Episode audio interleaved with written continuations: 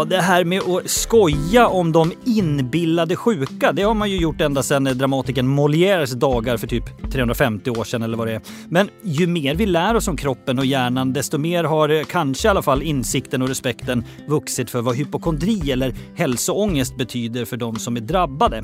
Bara i Sverige så kämpar hundratusentals med allt från djup ångest, sociala svårigheter och psykisk vånda till rena självmordstankar i värsta fall.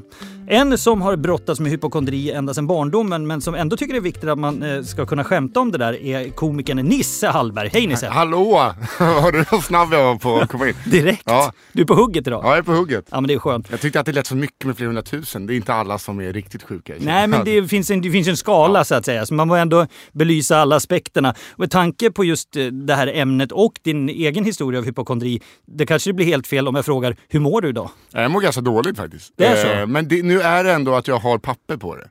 Ja det är så. Ja, men jag tror att det vad det också. Men det är också kul att du svarar jag mår ganska dåligt, för ofta säger man ju det slentrianmässiga bra. Ja, ja visst, men jag, man tröttnar på det. Gör du det ibland också eller? Jag säger alltid att jag mår bra om någon frågar för att man ska slippa prata. Det är ju som alla tror jag gör. Ja men så är det kanske. Jag ska kanske säga också att jag heter Håkan Ivar och önskar även dig som lyssnar välkommen till Hypokondrikerpodden.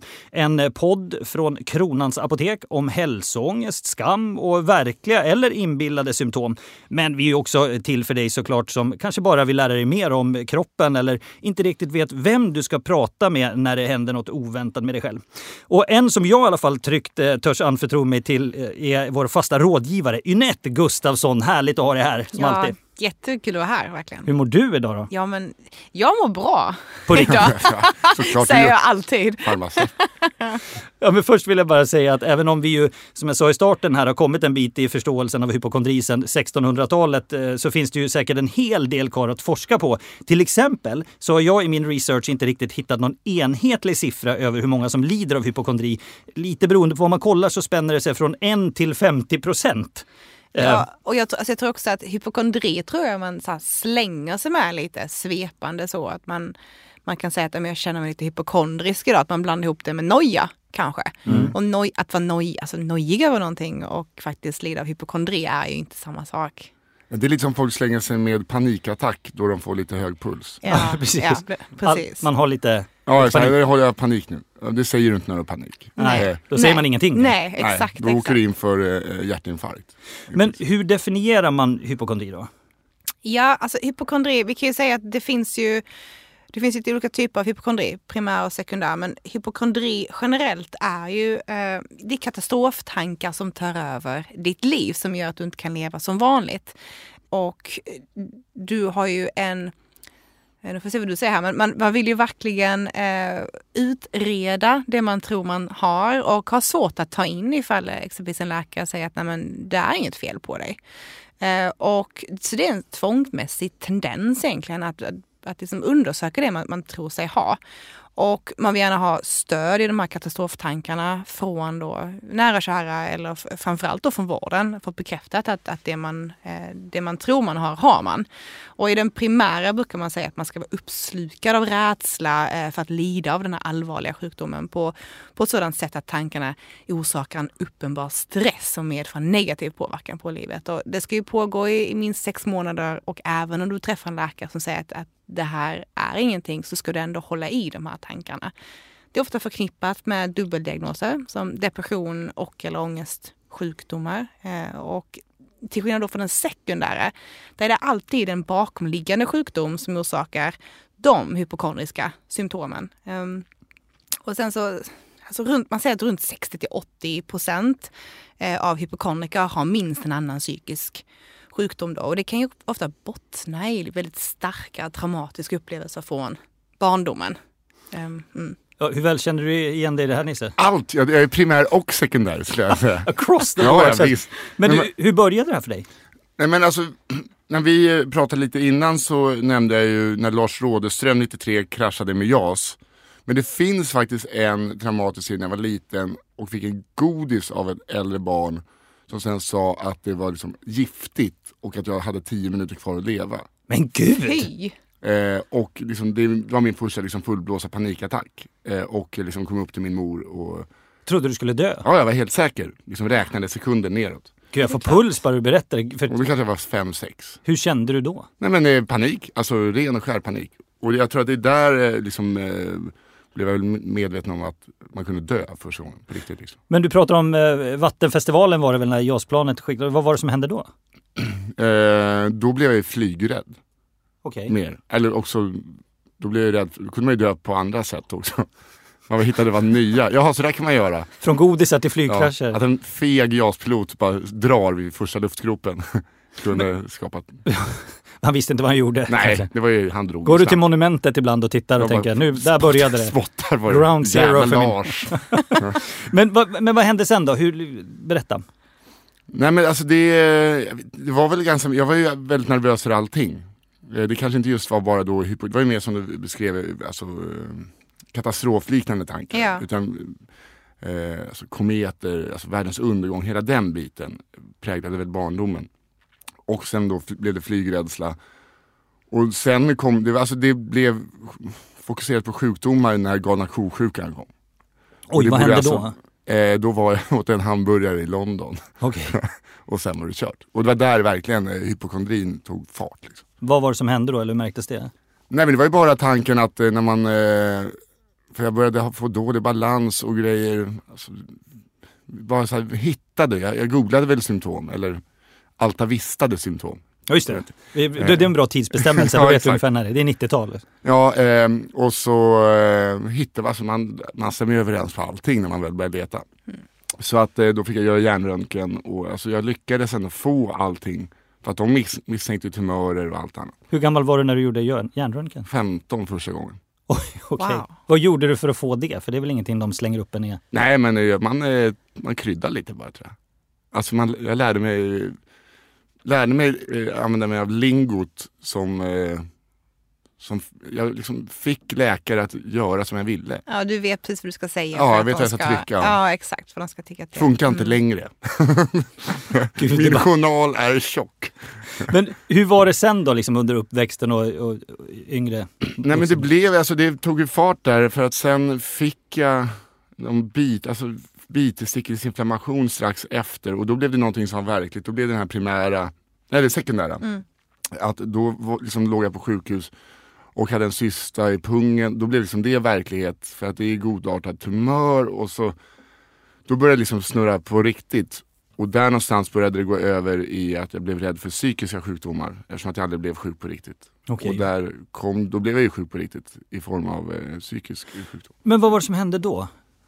Nej, jag vet inte. När, när man inte hittar fler fysiska sjukdomar att få och att de aldrig biter så liksom började man, eller jag ger mig in på att jag höll på att bli tokig istället. Eftersom att jag trodde att, jag, att hypokondrin så att säga eh, gjorde att jag bara valde andra psykiska åkommor som schizofreni. Eh, Schizofreni? ja, gud ja. hur, hur kom du på den tanken? Nej, för att jag typ gick så långt i ångest och depp att jag typ inte kände igen mig själv i spegeln. Eller fick för mig då att jag inte kände igen mig i. Och Så att jag inte kunde se mig själv i spegeln där och sen fick för mig att jag liksom var andra. Men allting var ju fabricerat av mig själv. Men det är, liksom, det är som snöbollseffekten. Och till slut bara smäller. Självsuggestion på något Ja, sätt. Men hur kändes det? Det låter jätteläskigt. Ja, det är hemskt. Det var ju tur att man var eh, rädd för att dö. Eftersom att eh, annars hade man nog avslutat det själv. Kanske. Usch. Men vil, vilken typ av förståelse fick du från omgivningen? Kunde du prata med folk om det? Eh, ja, eller första vändan, då, då var jag 20 ungefär, första vändan. Då, då började jag gå i terapi, då pluggade jag ner i Skåne. Och då, då hade jag inte varit med om det här förut så allting var ju så nytt. Så då medicinerade jag och det funkade efter ett par år. eh, I kombination med, eh, med eh, terapin. Eh, Men då alltså, folk visste inte, folk sa ju bara såhär, nej du är inte tokig. Och så här, de ger förlåtande och lugnande tankar. Eh, och det hjälper ju aldrig. För att eh, det är bara liksom, att hälla bensin på elden lite. Märkte folk liksom hur illa ställt det var? Ja, ja, jag, när, man, när jag blev av med oskulden så eh, kanske folk började, eller min mor började ana mer att jag var väldigt ofta och tog blodprov. Och så.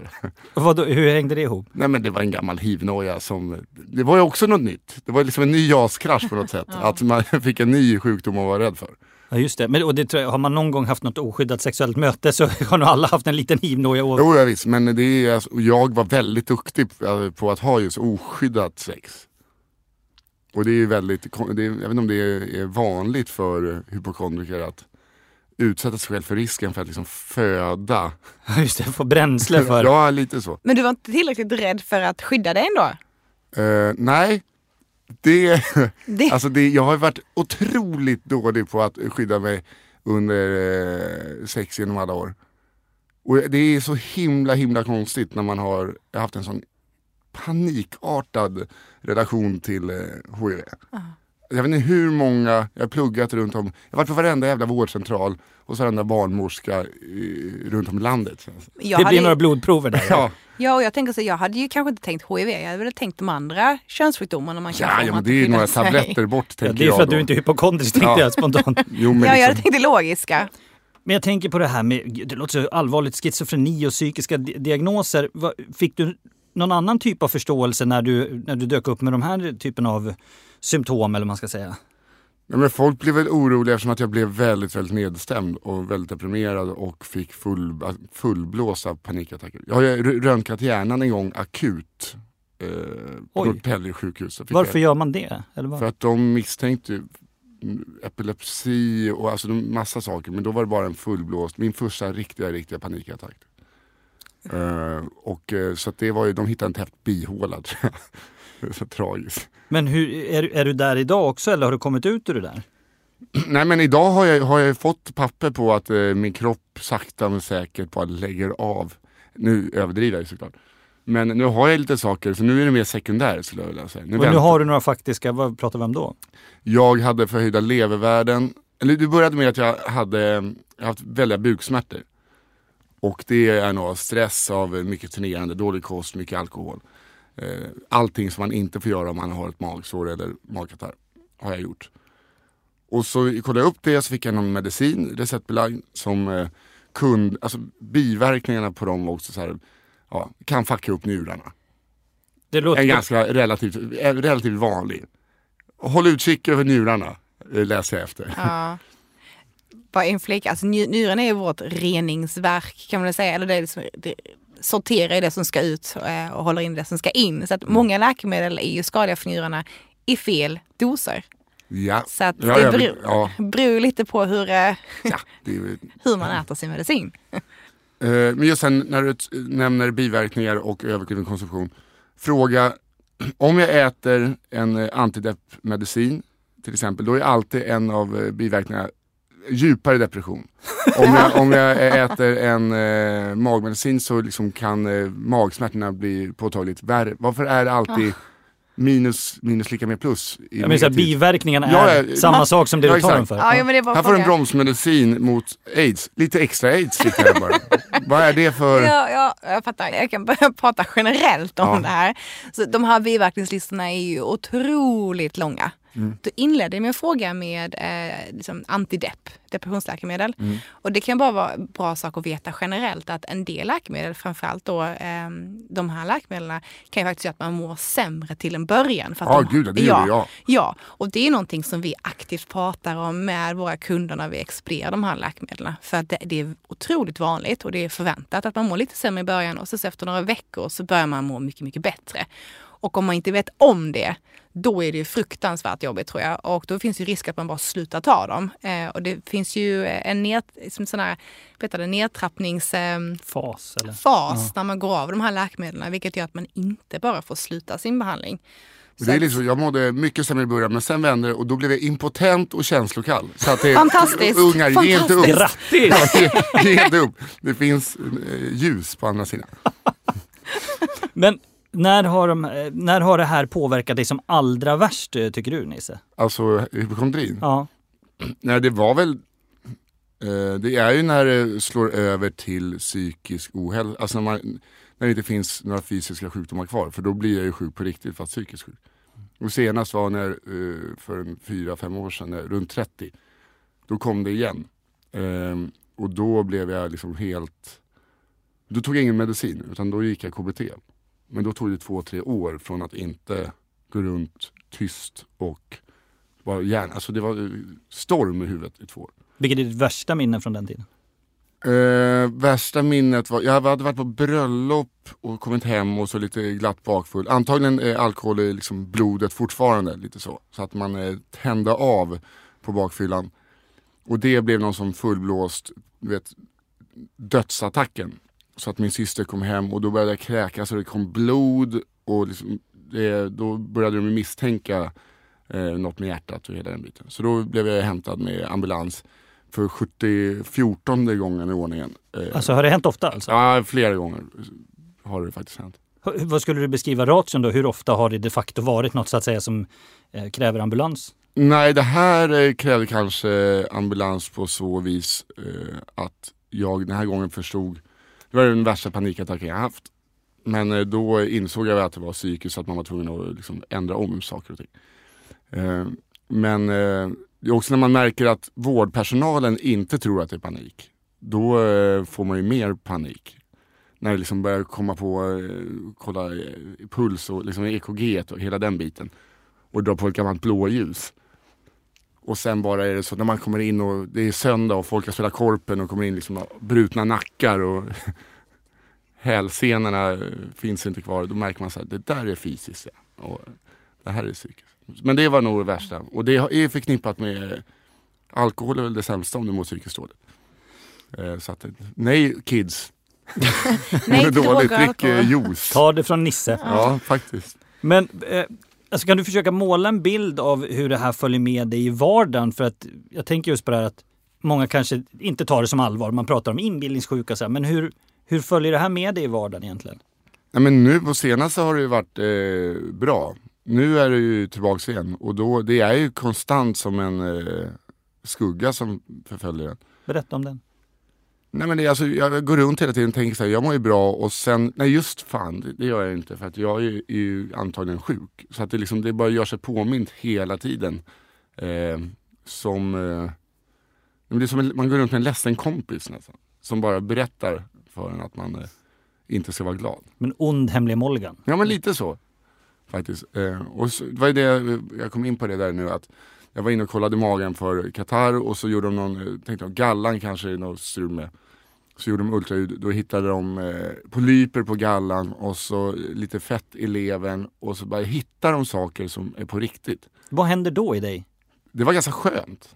Jaså? På så vis att då så att nu har vi någonting, nu är det på allvar, nu får vi jobba med det här så att det blir bra. Men hur fungerar det? Det, det var skönare än eller? Ja det var skönt att få be- be- beskedet. Sen går det några veckor och då vill man tänka, jag vill inte ha poly- vad, liksom polyper, ska man ta dem i näsan till att börja med? Det var det jag tänkte också, men jag vill inte fråga. Nej, och sen var jag hos läkaren och frågade, vad är en polyp? Ja men det är en polyp, sa han. Ja, men vad är en polyp? Ja men en, tänk en godartad tumör. Hoppla! Nej men nej, kalla det polyp, kan du kalla det polyp? vad fan håller du på med? Så kan man inte göra, eller hur? Men gud. Så att, eh, där är vi nu. Så jag kanske måste ta bort gallan. Eh, tydligen så lite fett i levern eh, dör man absolut inte av men eh, det kan ju bli värre. Det, eh, nu har jag alltså fetlever eh, for life. Men alltså, jag, jag, jag kanske tolkar det fel, men jag får ju intryck att du tar det rätt chill, eller? Ja vad fan ska jag göra? Alltså hade jag kunnat så här, bli av med fetlevern då hade det ju varit, men nu får jag ju bara köpa det faktum att jag går runt som en eh, trattmatad fransk anka. Nej, vi skrattar vi. Jo, Ja, men jo det men är jo, får ni göra. Men vad har du sökt för hjälp för det här med hypokondrin? Eh, nej, men det är ju senast KBT. Mm. Och- Kognitiv beteendeterapi. Ja, alltså. exakt. Tyckte jag var, lät som en jävla hokus pokus, eh, komma in i ett rum med en kille som är ett år äldre än jag är i, i relativt fula löpardojor med stora öglor. Och sen eh, efter ett tag så förstod jag att det här är ju briljant. Framförallt eh, att man bara köper det faktum att man kanske är döende. Ja. Eh, eller att man kanske kommer störta med ett plan. Och så får man jobba med det. Så att det funkar Ja. super, superbra. I kombination med träning och sundare levande. Ja men precis, och det är ju precis det du säger i det som väldigt många gör när de när de ja, upplever att de har hypokondri, vilket inte alla gör, utan när de upplever att de har behov av att hantera det helt enkelt. Mm. Sen sa du ju också att du hade gått på antidepressiva ett tag. Ja exakt, första Ja. gången jag var i en sån riktig sak. Ja, och båda de två är ganska vanliga eh, att ta till när man försöker behandla denna typen av sjukdom. Eh, men det funkar också så absolut både i kombination och, och icke-kombination som i ditt fall att KBT räcker. Och vi har varit inne lite på det innan eh, just kring hur, hur viktigt det är att om man då går på de här eh, exempelvis antidepressiva läkemedlen att man också förstår att det där är en läkemedelsform som man ska ta ganska länge. Det är inte en quick fix på en vecka direkt. Att man Mm. Ja, det var bra. inte terapin heller. Nej. Ja, Det var ju andra vändan jag liksom började ta, man måste göra sitt eget jobb. det är ingen som kan fixa något åt det. exakt, Exakt. Det tar ju sin tid. Men du berättade ju att du hade dels fått din första hjärnröntgen när du var 15 och åkte ambulans som andra åker taxi tänkte jag säga. Vad, vad tycker du att du har fått för bemötande i vården i och med dina problem? Superbra till som eh, ställer frågan, kan vi ta en titt i din journal? Börjar, nej, men alltså, eh, det är, ibland har jag fått lite så, men i övrigt så är det jättebra bemötande. Framförallt när man var yngre eh, så kanske de hade mer överseende med eh, men det var aldrig någon som kunde säga så här, vet du vad, du kanske borde gå till en terapeut. Det var så? Det var Det var ingen inte som det, fångade upp alltså. det? Alltså, nej. Det är någon som sa, du kanske behöver prata med någon. Jag tror att det var innan KBT. Jo, det var eh, min eh, husläkare som eh, föreslog terapi. För att han hade liksom allt från prostatundersökningar till, han liksom kollat hela mig. Eh, så han fick mig att gå i terapi. Eller söka liksom för hypokondri. Men du sa att de du vill inte att de ska kolla din journal, för den den är så lång, det är som silverbibeln eller? Ja men lite så. Jag, det slog mig att jag eh, var inne, jag, hade, jag har haft sån ytlig blodpropp på benet eh, efter en flygresa och när jag jobbade som kock och jobbade varje dag så liksom svullnade benet upp. Och så kollade jag, fick äta något blodförtunnande för det. Och så hände det igen och så blev jag nojig så ringer jag vårdguiden. Dit ska man ju inte ringa om man är hypokondriker. För de säger åk in nu! Eh, så att eh, och då blir man ju super, ja, tänker man, det är deras jobb att säga åk in nu om det är allvarligt.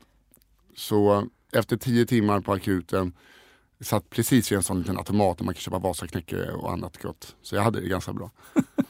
eh, så liksom mätte de ben och märkte det ena är svullet och man ser. Men när väl läkaren kom in så bara typ fnös han åt mig och sa så här, "Ah, ja, det är inget den här gången heller. Alltså så här, lite Ni hade mötts förut? Ja det kändes som det men eh, medan alla andra hade då konstaterat att det var någonting fel. Mm. Eh, så ibland kan de, jag kan förstå att de tröttnar på det men de behöver, kan, de kan göra det bakom lyckta dörrar lite. Ja, för det är väl lite det att här handlar det inte om att bara eh, om någon som ropar varg hela tiden Nej, så nej. kommer ingen utan här handlar det om att någon faktiskt tror att vargen kommer. Eh, men inte blir tagen på allvar om det kanske är någonting. För det här är ju en sjukdom, det är ingenting du hittar på hela tiden. Ja, det är det som är kul att det är en sjukdom, hypokondri. Ja, men eh, jag måste bara fråga, när, jag tycker det är så intressant att jag pratar med dig och att du säger att du är hypokondrisk, att du erkänner det. För att jag tror att det är ganska många hypokondriker som kanske inte gör det, som tycker att nej men, jag är sjuk. När var det du så här, accepterade eller insåg att nej men, det här är ju faktiskt inte alltid logiskt? Men det är väl eh, när jag märker vänner som eh, är hypokondriska och man håller, för det är väldigt lätt för mig att vara resonlig och eh, tänka inte som en hypokondriker när jag liksom försöker prata med dem. Som min mor, då insåg jag att jag är likadan men det är väldigt lätt Med vänner som tror att de är döende så kan jag liksom försöka lugna dem Ja. på något sätt. Och det, var väl, det är väl så jag insett att jag är likadan mot andra. Mm. Fast när det är andras verklighet då tycker jag det bara är töntigt. Just det, det är alltid lätt att råda Ja. andra och så vidare. Men å andra sidan så att det är lätt att säga att man är hypokondriker, det är lätt att säga att man är flygrädd. Sen när man väl är där så är man lika rädd i alla fall. Men vad tycker du personligen är det allra jobbigaste med, med hypokondrin eller hälsoångesten? Eh, det är folk som inte tar den på allvar och kallar den för hälsoångest. Nej men eh, det är det här för hela tiden, det är att det, det bara gnager på. Vad är det som ligger i botten då? Vad är du verkligen mest rädd för? Beskedet att jag ska dö. Inte att jag ska dö, utan att få höra att du har två månader kvar. Vänta nu, beskedet att du ska dö, inte själva döden? Nej. Eh, för jag är ateist och hela den biten, så jag tror att det blir svart. Och ibland ligger man och sover och inte drömmer någonting och det man mår ju, man mår inte dåligt av det. Så döden är inte det du är rädd för utan att någon ska berätta? Ja, det är snarare så här, eh, du har fyra till sex veckor kvar. Det är det värsta jag kan tänka mig. Och det har blivit mycket värre. Det den började ta fart igen sen min syster fick en dotter. För två år sedan. Så att liksom varje gång jag träffar henne så bara tänker jag att hon kommer att titta på foton och så säger hon så här, frågar hon, vem, var det, vem är det där? Ja det var din morbror, han älskade dig. Mm. Och sånt Det går jävla, sån, så hon har eh, bidragit till det här svinet till att, att hypokondrin är tillbaks. Men gud, det här är ju verkligen så här hjärtskärande tunga grejer. Men, men du är ju komiker också. Du har ju faktiskt inkorporerat det här i ditt material. Eh, berätta om det. Det var ju min förra föreställning, eh, Jag är sjuk, som... Eh, men jag skriver anekdotbaserad humor. Blir, jag är väldigt dålig på att skriva skämt. Om någon säger så här, skriv ett skämt. Så kan inte jag det. Men jag är väldigt bra på att eh, återberätta. Och då var det ju väldigt mycket, jag hade en bottenlös brunn nästan. Så. Mer självmedicinering och he- hela den biten. Så att eh, det, det föll sig ganska naturligt. Liksom. Men vad har det gett dig då att eh, skämta om din hypokondri? Mig har det nog inte hjälpt eh, så mycket men det har uppenbarligen hjälpt andra. För jag har alltid varit öppen med min psykiska ohälsa och min hypokondri i poddar och på scen. Och, och det hjälper tydligen andra och det har gett mig glädje. Jag har ju gjort tre hjärnröntgen och det kan ju vara skönt för folk att höra att det finns någon som har kostat svenska staten mer pengar än de själva. För en tycker jag alla borde få göra. Det borde vara liksom som att kolla testiklarna i skolan. Så om du går till val så är det den. Ja, ja, alla, alla ska ha en hjärnröntgen. Men vad skönt ändå att de tar det så positivt. Eh, annars kan det ju vara känsligt för vissa och det kan man ju kanske förstå med tanke på att det är ju faktiskt en väldigt allvarlig sjukdom som kan drabba många. Och ändå känns det lite grann som att hypokondri ju har för, förlöjligats genom åren. Varför är det så tror ni? Men det är väl också den inbillade sjuke som alla har sett eller läst. Eh, och eh, vet du, Jeppe på berget bygger väl på den också. Den såg man ju i skolan så att då blev, målade sig upp en bild av att det var bara en idiot. Någon mm. självämkande idiot som, men lite Peter Vargen. Ja, ja. Man har ju hört ropa varg har jag ju fått höra Mm. väldigt många gånger. Mm, Av det. föräldrar och andra. Jag tänker i andra änden av skalan ligger den här klichén om den norrländske mannen som är såhär, nej, inte är det just nu, gå inte till sjukhuset. Ja, men det är där, sådana människor, om de sen eh, får en diagnos, då får fan skylla sig själva när vi har så bra sjukvård som vi har i det här landet. Kolla upp saker om du är orolig för något eller mår dåligt. Här. Ja, det, är, det är väldigt sant. Alltså, jag ju vänner som hade varit i livet om de hade kollat upp eh, saker. Så, att det är så här, jag blir så otroligt provocerad av folk som, nej det är ingenting, jag går inte dit. Jag har en vän som just hittade en tumör på levern. Eh, så hade du kollat upp, gjort hälsokontroll kontinuerligt, bara ta en sänka en gång om året så hade de ju sett det där. Mm. Så att eh, sånt eh, gör mig faktiskt förbannad. Ja, men, Man behöver inte överdriva men alltså, nej, nej, har... jag, jag förstår vad du menar. Eh, och vi har ju en otroligt bra sjukvård i Sverige och vi har mycket kontroller med, Mm. med jämna mellanrum just för att kunna vara lite mer proaktiva i vår hälsa och inte bara reaktiva Nej. eller kanske till och med ens försöka ignorera den. Jag, jag kommer tänka på det för när jag eh, studerade till apotekare så läser vi bland annat då eh, om just eh, fysiologi och sjukdomslära och så.